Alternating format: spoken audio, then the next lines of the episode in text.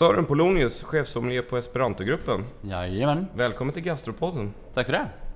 Berätta, vad har vi i glasen här framför oss? Det vi har här är ett, eh, ett vitt rånvin ifrån en eh, producent som heter Yves Cuiron. Deras eh, Saint-Joseph Saint-Pierre 2013. Lite för att jag tycker att man, man dricker de här vita rånvinerna alldeles för sällan. Och är fantastiska viner. Det bryter väl lite mot en trend som har rått nu under många år där viner måste vara extremt fruktdrivna och med väldigt höga syror. Det var nästan lite av den här antitesen med, med lite mer tillbaka dragen frukt och lite lägre syror. Så en, eh, en rebell som vi har framför oss, eller det är kanske är du som är rebellen i sig som, som tycker annorlunda? Nej, saken är att man, man får... Allting handlar om att kunna ta sig tid och kunna förstå sig till de här vinerna. Det är ingenting som hoppar ut i glaset och sätter sig i knät på en, utan man får eh, ge det här ett litet tag innan man börjar förstå sig på det här vinet. Och där kan jag tycka att skärmen är faktiskt. Just nu, vi lever ett alldeles för, för snabbt liv eh, och, och där ja, jag tror, jag tror att rikedom kanske mäts mer i, i ledig tid än egentligen eh, pengar faktiskt. Och därför tycker jag att just sådana här saker som faktiskt kräver lite tid av eh, den som blir utsatt för det, en vindrickaren. Så eh, då tycker jag det är rätt häftiga grejer faktiskt. Mm. Chefsommelier eller sommelier, vad, berätta om ditt yrke här och nu. Vad, vad gör du på dagarna? Ja. Förutom att sitta här och prata med mig. Ja, man sk- skulle kunna tro. Min, min mamma tror att jag sitter och dricker vin hela tiden. Eh, Vilket du faktiskt gör. Ja, men faktiskt de facto här. När, när jag beslutade mig att bli sommelier så eh, tog jag beslutet att, att lämna, gå ifrån ett, ett yrkesval och det blev kanske mer en liv, val av livsstil istället. Eh, nej, men det, det jag gör här, det, det kan låta så oerhört romantiskt att arbeta med massa vin, men de facto är att det, det är massa administrativt arbete bakom det som jag håller på med också, i och med att man går in som en chefssommelier. Men eh, jag har valt att fortfarande arbeta väldigt mycket i service. Någonstans är det där jag började av en anledning. Mm. eh, Att ha gästkontakten. Och det är riktigt viktigt. Mm. Tappar man kontakten med golvet, då, då tappar man oftast gärna kontakten också med, med vad som faktiskt är relevant i det vi håller på med. Och vad är det vi håller på med? Förutom att se till så att vi dricker de bästa vinerna till de bästa rätterna. Nej, men jag, jag tror att man, man kanske får se sig mer som en guidande person i en matsal. Mm. Självklart beroende på vilken, vilken gäst man är, men att... Eh, jag, jag tror nog, jag hoppas nog att de flesta ser en som en, ett, ett verktyg i en, i en matsal som, som ska underlätta och, och kanske göra en upplevelse kanske ännu bättre än vad man har föreställt sig när man kom dit. Var ska man börja någonstans? eh, Eller när du kommer fram till, till en gäst och, och vill hjälpa dem, vara det här verktyget som du, som du ska vara. Vad man ska göra? Jag, jag tror att många tror att de, de... Att det är en så mycket svårare fråga egentligen att ställa än vad det egentligen är. Eh, säg vad du brukar föredra och tycka om att dricka. Och eh, nämn vilken eh, budget du har lagt dig på. All, oavsett vem du är, alla som är ute och äter och betalar för sin nota själv kommer ha en budget. Jag går ut och har en budget när jag går ut och äter. Vad jag ska lägga på mat och vin idag. Mm. Eh, det är en rätt naturlig grej att ha det. Och är det som, vissa dagar tänker man, men nu kommer man kunna lägga rätt mycket pengar på, på vinet. Andra dagar så kanske inte kommer lägga fullt lika mycket pengar. Där är man kanske lite också, fult att säga det kanske, men lite selektiv på vilka man sitter och äter med. För att hade jag suttit och ätit med min mamma så kanske jag inte hade tagit in eh, någon av första kryna från Bordeaux. Hon kanske ändå inte hade uppskattat det. Medan jag kanske ser till att välja ett vin som jag vet att hon mycket, mycket hellre skulle tycka om. Det är att någonstans som sommelier så har man också ett privat ansvar när du är ute och äter. Det är folk som äter med en. Att jag skulle se till att de får en rätt bra kväll.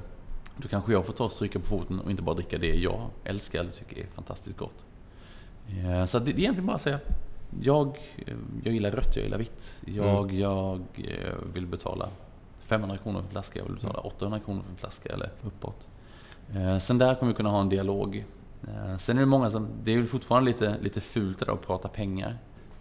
Och det är väl kanske inte sånt man slänger ur sig med, med alla gäster, men gäster som man ser att det här är en person som man kan vara rätt rak och, och ha en bra dialog med. Det blir alltid väldigt, väldigt uppskattat. Och då ser jag ju till att de får det bästa vinet någonsin för de pengarna. Mm. Du, du nämnde här, eh, vill jag ha ett rött eller vill jag ha ett, ett vitt vin? Kan man, även fast man nu vi sitter på, på Esperanto, en, en eh, enstjärnig Guide Michelin-krog, kan man, kan man komma in hit och, och känna sig eh, strunta i allt vad man känner och tycker och bara och vara på den nivån att vitt eller rött, jag vet inte vilka druvor jag tycker om eller vad jag har gillat förut. Och, och ah, ja. tillsammans med det komma fram till något också. Mm. Så att man inte känner sig dum om man kommer in och försöker sig på och tro någonting. Det kanske snarare i mina ögon blir sämre om man gissar sig fram till någonting. Ja, om, om man försöker gissa sig fram själv som, som eh, någon utifrån, från vinlistan utifrån eh, menyn. Då kan det ju... Det kan ju bli lite felaktiga beslut.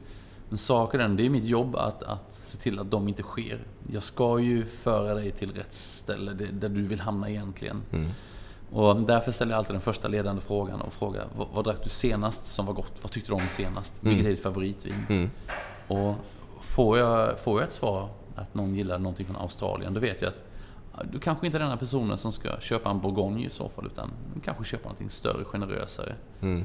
Ehm, för att sak, sak, jag får ofta en vanlig fråga när, när folk inte vill ha ett dryckespaket, de vill ha det lite försiktigt, de tar en del på en flaska vin istället. Och de vill de ha eh, en flaska som passar till allt. Mm. Den flaskan är ju inte gjord ännu. Eh, tyvärr. I en perfekt värld så hade vi haft det varje dag, men tyvärr så är inte den flaskan gjord ännu.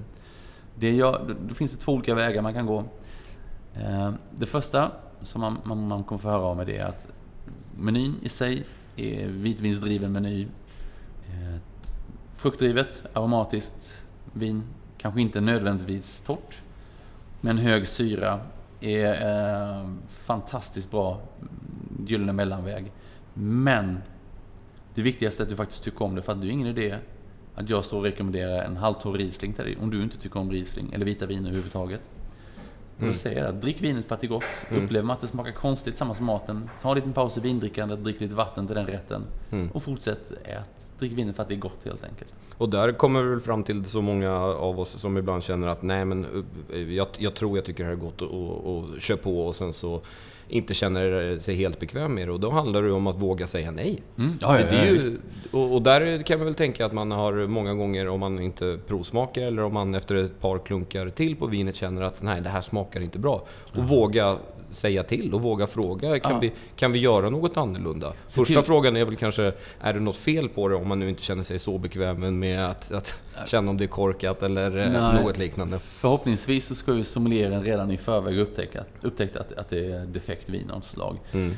Um, här får ju ingen flaska serveras någonsin till en gäst utan att den först har gått igenom oss sommelierer, uh, mig och mitt team. Mm. Sen kan det vara sådär att vi, vi är ju inte mer än dödliga människor vi också. Man kan vara lite förkyld, ha en liten dålig dag och missat någon korkdefekt. Det har jag gjort någon gång när vi hade, det var någon pressmiddag för någon gång. Och lite journalister. Jag missade en liten korkdefekt. Sen är det så att... Fick du höra det då av dem? Ja, ja, de frågade. Men, du, de, men det var så kul att de vågade knappt säga liksom att det här är korkat. Utan de frågade mig först. Du, eh, kan det vara någonting fel på det här vinet? Istället för att säga du, det här är korkat. Mm. Det är så mycket prestige det. Jag tycker det är synd att man har. Det är väl bara jag, inte, jag, jag tror jag saknar den prestigen. Inte om jag blivit gammal nog i rollen så att jag, jag det blir rätt prestigelöst för mig. Liksom det. Ja, jag missade korkdefekten. Vi tar upp en annan flaska istället. Du, eh, vi var inne på det och du sa det här med budget. Eh, att, att sätta upp en budget eller att våga säga att jag har det här och det här är budget.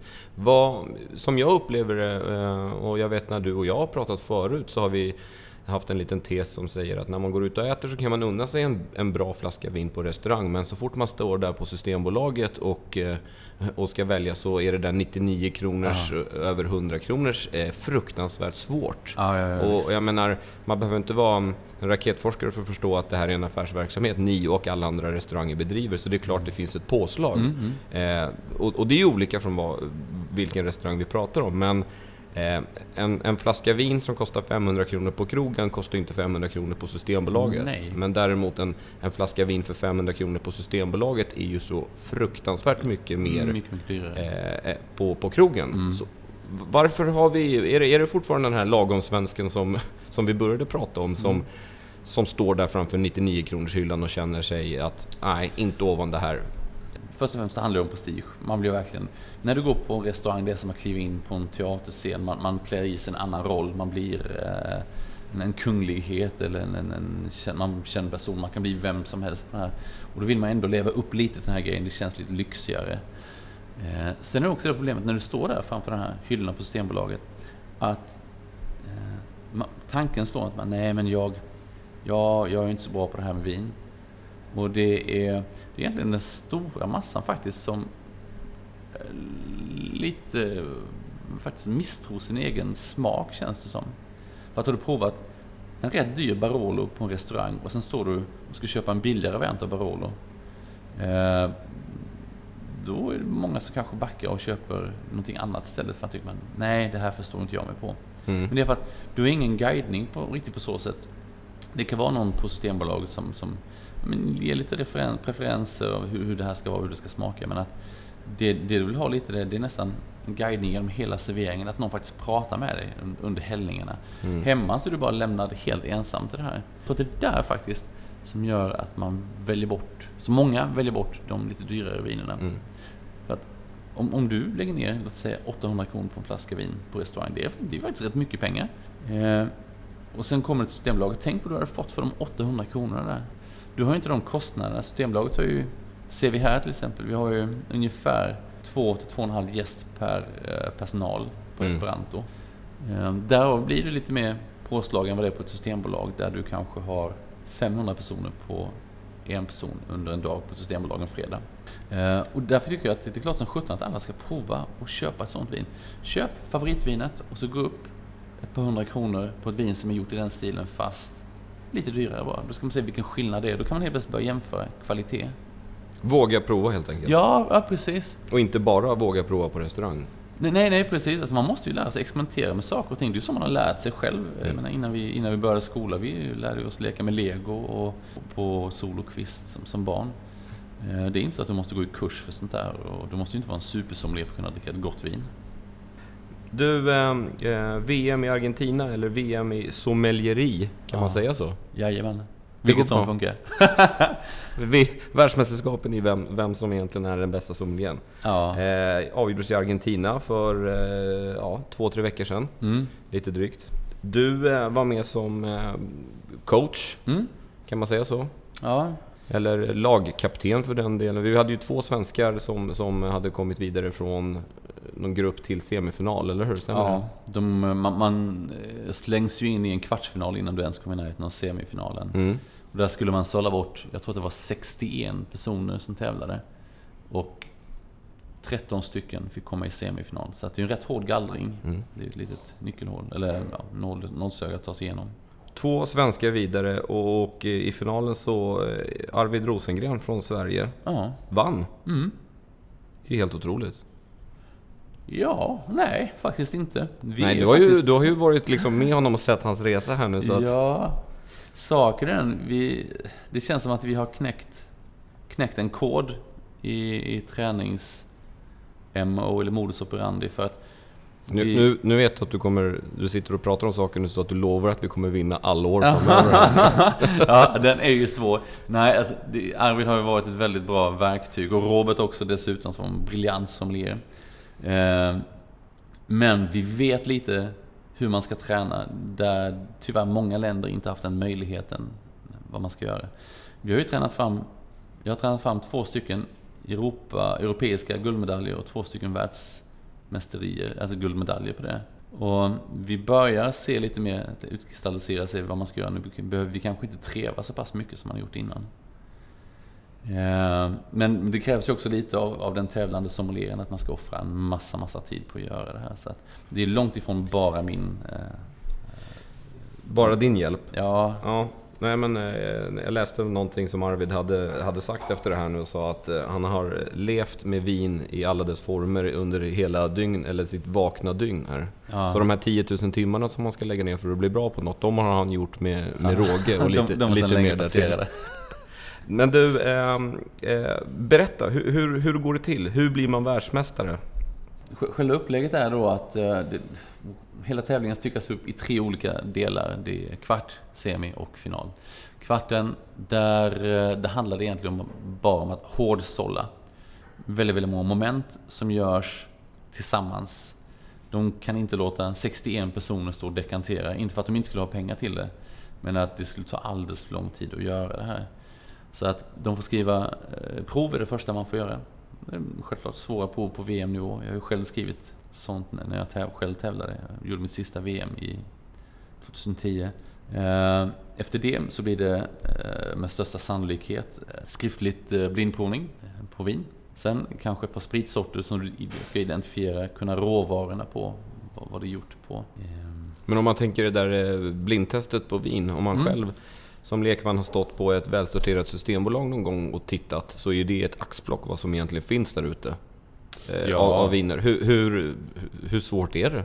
det? För mig är det totalt omöjligt.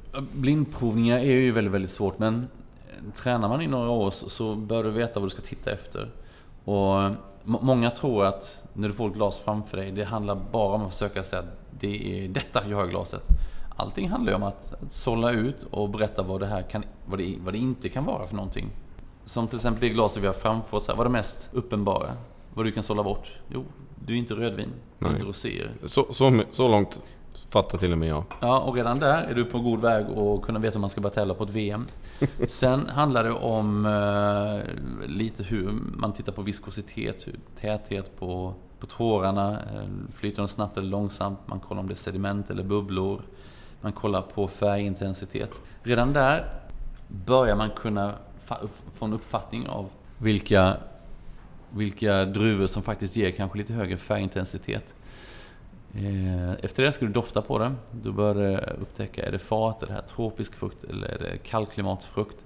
Redan då bör du ledas längre in i vad det kan vara för någonting. Du har, eh, när du provar smaka på vinet, där kan du bedöma grejer av syrastruktur, fruktstruktur, allt det där. Ehm, det låter ju som jättesvårt i början i alla fall och det, det, är ju det är ju svårt för oss som har tränat det här jättelänge. Men att det ger oss, allting ger oss en ledtråd om vad det skulle kunna vara för någonting och vad det definitivt inte är för någonting. Mm. Är det där sådana här saker som man, man kanske skämtsamt pratar om ibland? Eh, hur, hur ni så vackert men annorlunda kan beskriva viner? Allt ifrån utedass till gårdslangar till, till eh, mm, mm. sommarängar eller vad det är sånt. Eh, vad jag förstått så är det hjälp på vägen att, att hitta fram i den här paletten. Ja, definitivt. Har du ett rikt vokabulär så tror jag att det kommer vara mycket, mycket lättare för dig att blindprova. Att du kan sätta ord på allt det du hittar. För att väldigt många som sitter och provar och doftar på vin säger att jag känner igen den här doften och smaken. Men att man inte kan sätta ord på det, det tror jag är det svåraste. Och det är egentligen bara att öva upp det där. Mm. Det är inte speciellt många av oss som är födda med, med genetisk... Eh, Vinnäsa? Nej, nej, men precis. Att, att man har ett försprång på något sätt. Utan det, vi har ju tränat upp det här. Mm. Så att eh, tips är, prova dofta på din omgivning. När du går ut och handlar nästa gång, se vad, vad doftar det i grönsaksdisken och i fruktdisken. Och på så sätt börjar jag få lite hang-ups på att ja, men det här är jordgubbar, det här är omogna jordgubbar, det här är övermogna jordgubbar. Mm. Eh, gula äpplen, gröna äpplen, röda äpplen. Allt det där kommer du kunna särskilja på om man tränar lite på det. Och då handlar det om i det här momentet att tratta ner, sålla bort det inte kan vara till slut kanske man hittar en region eller eh, ett land först och främst kanske, sen en region och vad finns ungefär i den regionen för typ av druvor och sen så ja, Det är of, ofta så att man, man först börjar leta efter druvan för att på så sätt börja sålla ut eh, ursprung på det. Mm. Menar, det, är inte alla, det är inte alla regioner i världen som gör till exempel en Cabernet Sauvignon eller, eller Pinot Noir. Och då kan man börja sålla. Känns lite mer nya världen Pinot Noir, ja, då får man kolla på de svalare områdena i nya världen. Så du måste ju förena det här med en, en teoretisk kunskap också. Och en geografisk kunskap. Ja, definitivt, Absolut. definitivt. När ni komponerar ihop en meny, så tänker väl de flesta att, att Sajan gör maten och du får slänga till lite viner. Många restauranger idag har ju tänkt lite tvärtom och börja med vinerna och sen så får vi se vilka maträtter som passar till, till det. Mm. Eh, hur, hur, hur, brukar du och Sajan eh, göra när ni komponerar upp en ny meny och ska prata om, om bara vinerna tillsammans med menyn? Det är ju i första hand så och det är ju generellt eh, på, på de flesta restaurangerna så är det ju chef som gör maten. Det var ju samma under min tid på F12 och min tid på Bon Jock med Mattias Dahlgren. Att chef gör maten, vi ska sätta dryckerna till och visa att, att eh, vad vi kan. Och jag kan tycka den är rätt okej okay att göra så. Men det som har skett nu på under åren är att lyhördheten har ökat så mycket, mycket mer. Det är inte en one man show längre. Och där de flesta chefsen har ju förstått att man går ju inte bara dit för att bli mätt utan det är en helhetsupplevelse. Dryckespaket är definitivt en del, en rätt viktig kugge i den här helhetsupplevelsen. Eh, så det som sker är att Sajan har sin, sin idé, eh, grundidén och vi, eh, jag har en, en hel del olika viner som vi ska prova till. Gärna väldigt olika karaktärer för att kunna överraskas själv på ett positivt sätt och se vad som passar bra även om man kanske inte planerade in det från början. Sen har vi dialogen Ehm, där jag kan be dem att försöka sänka syran lite, dölja sötman lite för att kunna kanske curla in ett vin ännu mycket mer eh, för att göra en perfekt kombination till det här. Det är väl det som är eh, så pass bra när jag arbetar med, med Sayan och, och teamet här. Att eh, vi, har, vi, är väldigt, väldigt, vi har en väldigt, väldigt nära kommunikation om, om just det här. För att de vet ju att det, det måste bli en bra slutprodukt. Och, eh, men sen till syvende och sist så är ju, det är ju Sayans val som kommer gälla. Men, eh, men att Sayan är, han lyssnar på mig. När jag provar igenom maten, då, då tar det vin som passar bäst till och låter honom få prova smaka och berätta lite om hur jag tänkt. Och, så att han också i synligt kan säga att nej, jag tycker inte det här var bra. Jag kan bara säga, vi sitter i köket, eller nära köket här och det, det, det låter som det är någon som häller ut något. Vi sitter inte på toaletten här och svarar. Nej, det är lite, lite prepp som pågår inför för morgondagens service. Det är ju som restaurangen. Det är trevligt, men inte så trevligt. Nej. Är det inte. Precis. Eh, nej, men vi, vi, har, vi har en väldigt, väldigt bra kommunikation och det är lite därför också vi eh, vi valde att arbeta tillsammans också. Att lyssna på vad vi har att ge till varandra. Vi, vi tar med oss någonting från varsitt håll i det här förhållandet, om man kan kalla det det. Där eh, det handlar om att han kommer öka min kunskap med, med maten. Jag kommer kunna hjälpa eh, dem med kunskapen på vinbiten, eller på dryckensbiten. Eh, och det är så oerhört viktigt. De ska också känna att de, de läst någonting. Så vi har under flera tillfällen av genomgångar med köket, hur man ska tänka med mat och dryck. Och, och när som helst, det är väl det som gör att de är så fantastiskt flexibla det här teamet. Att jag kan beställa in en maträtt i stort sett under servicen när jag vill och få fram maträtten och prova igenom den eh, tillsammans med vinet vi serverar. Om någonting skulle uppstå, en gäst har någon kommentar, då kan jag genast be att ja, jag behöver prova smaka marulken. Mm. Kan få fram den tack. Och då får de den väldigt snabbt och jag står på den med maträtten. Skulle vara någonting har ändrats helt och hållet så så ska vi kunna byta vin mitt i matchen. Sen är ju teamet här är ju väldigt, väldigt exakta. Och, så att jag, jag är inte, större, inte speciellt orolig över att någonting sker sådär. Eh, vissa såser vi har haft, vissa inslag har, eh, har jag varit lite försiktig med men innan service och mitt under service så går jag alltid att prova smaka av de här såserna för att undvika att det blir fel också. Eh, och det där med, med fel eller inte. Eh, jag minns eh, när du och jag pratade med varandra för ett tag sedan och jag frågade vilka restauranger jag skulle besöka när jag var i San Sebastian och så pratade vi om Mogaritz, en av världens bästa restauranger. Mm. Så sa du att prova, absolut, gör det. Antingen så älskar du det eller så hatar du det.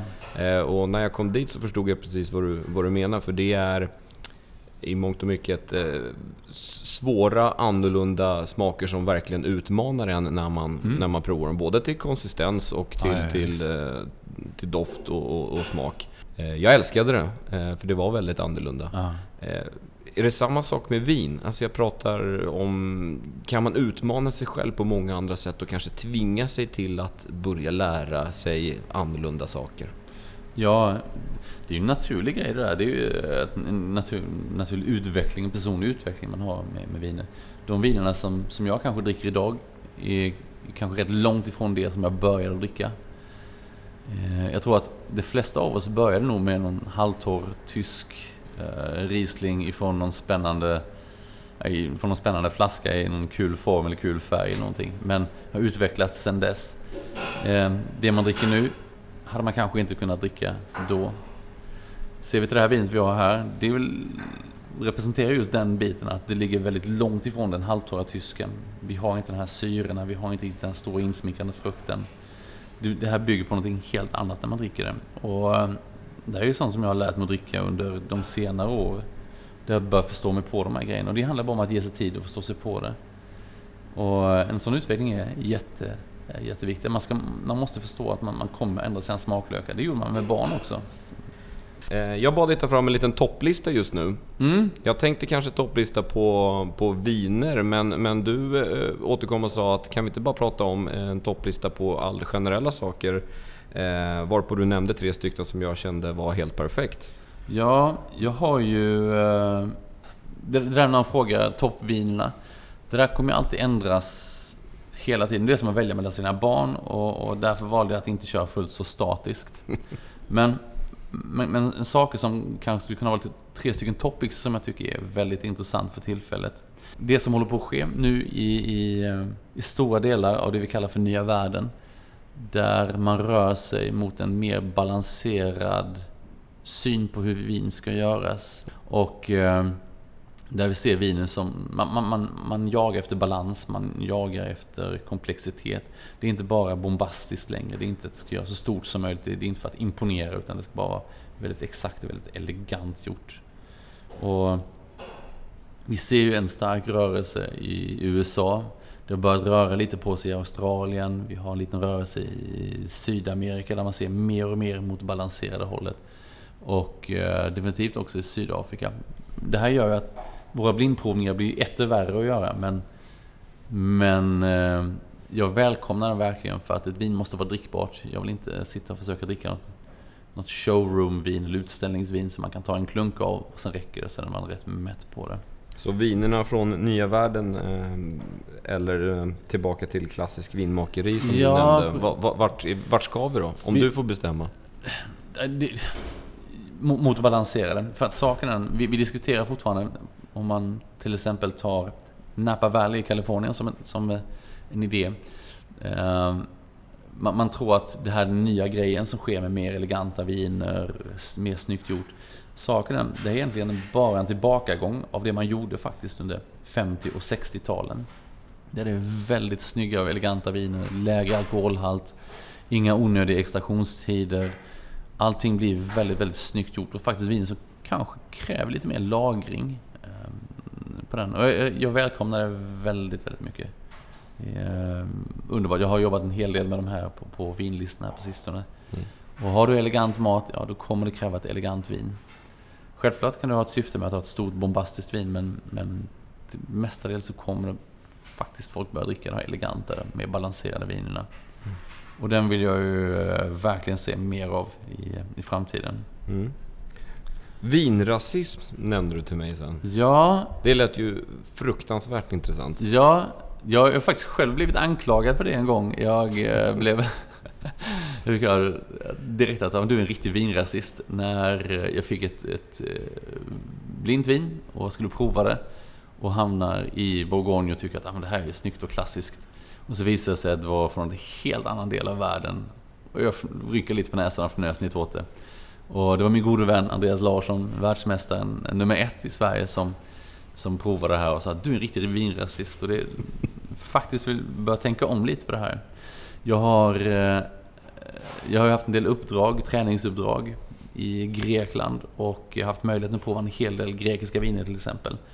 Där jag att den synen jag haft på grekiska viner fram tills nu har varit helt felaktig. Där vi stöter på supereleganta, väldigt classy, mineraldrivna, krispiga grejer. Ehm, väldigt, väldigt bra röda och en hel del väldigt bra vita. Man har ju bara avskrivit Grekland som ett varmklimatsområde med för mycket sol och värme.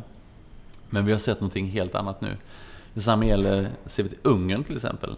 Eh, de vita vinerna som kommer från, inte bara från Tokaj, de torra vita eh, vinerna. Utan vi har ju Chomlo som ett område som gör fantastiska grejer. Eh, där, om man skulle få det här blint, de flesta är i klassiska regioner i Frankrike. Och eh, till en sportstyver av de pengarna. Nu börjar ju i och för sig de här kunna börja dra iväg i pris. Portugal har väl till viss del kämpat lite med sina inhemska druvor men att folk mer och mer faktiskt Tillåta att vinet inte måste vara gjort på Chardonnay eller måste inte vara gjort på Cabernet eller Pinot Noir utan det kan vara rätt gott med, med en snyggt gjord Torrega National eh, eller en annan druva. Så att jag, jag jag tror att vi kommer att se mer och mer av det här i framtiden. Det är en trend vi eh, också kommer att se mer och mer av. Där vi kanske kommer få flytta våra pref- egna preferenser lite på vad, hur vin faktiskt fungerar. Du kommer att prova ett vin sen efter det här sen som du kommer bli helt överraskad över. Alltså det är en ruskigt, ruskigt bra assyrtiko från Grekland. Perfekt. Du, eh, sen nämnde du att vi ska börja tänka annorlunda eller dricka något annat till kaffet. Ja, Den gamla väcken är, är borta alltså? ja och men just det där att eh, fortfarande, fortfarande kalla det för avec. Fransoserna blir så förvirrade när vi kallar det för avec. För att nu frågar vill du ha en avec till kaffet? Det betyder, vill du ha en med till kaffet? Eh, men, men, och då ska man alltså vara mjölk i så fall om man vill egentligen? Ja, ja precis. Det, det är mjölk och socker, det är det som är ja. avec liksom. Men, men saken är den, tänker man efter på, och nu, nu kan jag prata kanske lite om, om, om esperanto till exempel. Vi har en väldigt elegant meny. Vinerna är genomgående eleganta. Eh, kaffet vi har är enastående eleganta kaffesorter, lättrostade och eleganta. Sen, eh, sen är vi, vi är väldigt invanda att, att, att dricka sprit i kaffet. Men tänker man efter, är det så gott i kaffet egentligen? Kaffet är varmt. Det innebär att du får, eh, när du får alkohol i munnen så kommer den upplevas så mycket, mycket mer påtagligare. Eh, när du har en, druckit något varmt eh, före spriten. Sen har du den här rostade tonen, om du har en hård rostad kaffe, en espresso eller något dylikt. Så, så kommer ju allting smaka fat. Det är till och med en ofatad eh, grappa kommer börja smaka fat för det. Men det är bara för att du får de här rostade tonerna. Så att därför undrar jag om det inte är lite slöseri med pengar och det gillar man ju inte som smålänning då. Eh, men för jag, jag, tycker att destillat ska ju inte sållas bort, det är en viktig del av en upplevelse. Men att man kanske ska ta destillat direkt efter maten och sen ta en kopp kaffe efter det istället. istället måste, måste det vara tillsammans. Och det jag nu brukar föreslå för gästerna och kanske prata in mer är väl att dricka ett litet glas starkvin om du har ett väldigt elegant kaffe. Ta, eh, vi kör just nu ett vitt portvin till exempel, ett torrt vitt portvin som är strålande gott i kaffet. Dricker du te så är det helt underbart i teerna. Vi har eh, en PX-sherry för den som vill dricka likör vill ha någonting väldigt sött. Då har vi en sån där mm, från 1947 som ger den här härligt mm, brända knäckiga tonen med de här torkade frukterna. Det är vrålgott. Alltså det är, får vara avläpnande gott. Kanske inte så här superkomplext men det är jätte, jättegott. Sen har vi självklart också Madeira, en ny grej jag fått verkligen en fäbless för. Ny, eller ja, man har ju känt till den sedan man började jobba med vin men det är först nu jag faktiskt börjar förstå mig på Madeira lite mer. Och där vi har två olika Madeiror. En Rainwater Madeira, femårig reserva. Eh, som är underbar, halvtorr i stilen. Den här friska, härliga syran är perfekt till de här syrliga kaffesorterna vi har. Sen har också för den som vill ha en ännu större upplevelse och löpa hela linan ut och ha någonting extremt. Så har vi nu en Madeira från 1863, alltså en 153-årig Madeira. Där man kan ta en centiliter eller två centiliter, bara sitta och läppja till kaffet, vilket blir väldigt, väldigt gott. Och förutom att det blir väldigt gott så får vi en extra spik av komplexitet i den här upplevelsen. När drack du senast en, en, eh, ett vin från när, när Abraham Lincoln höll Gettysburg-talet? In, inte jätte...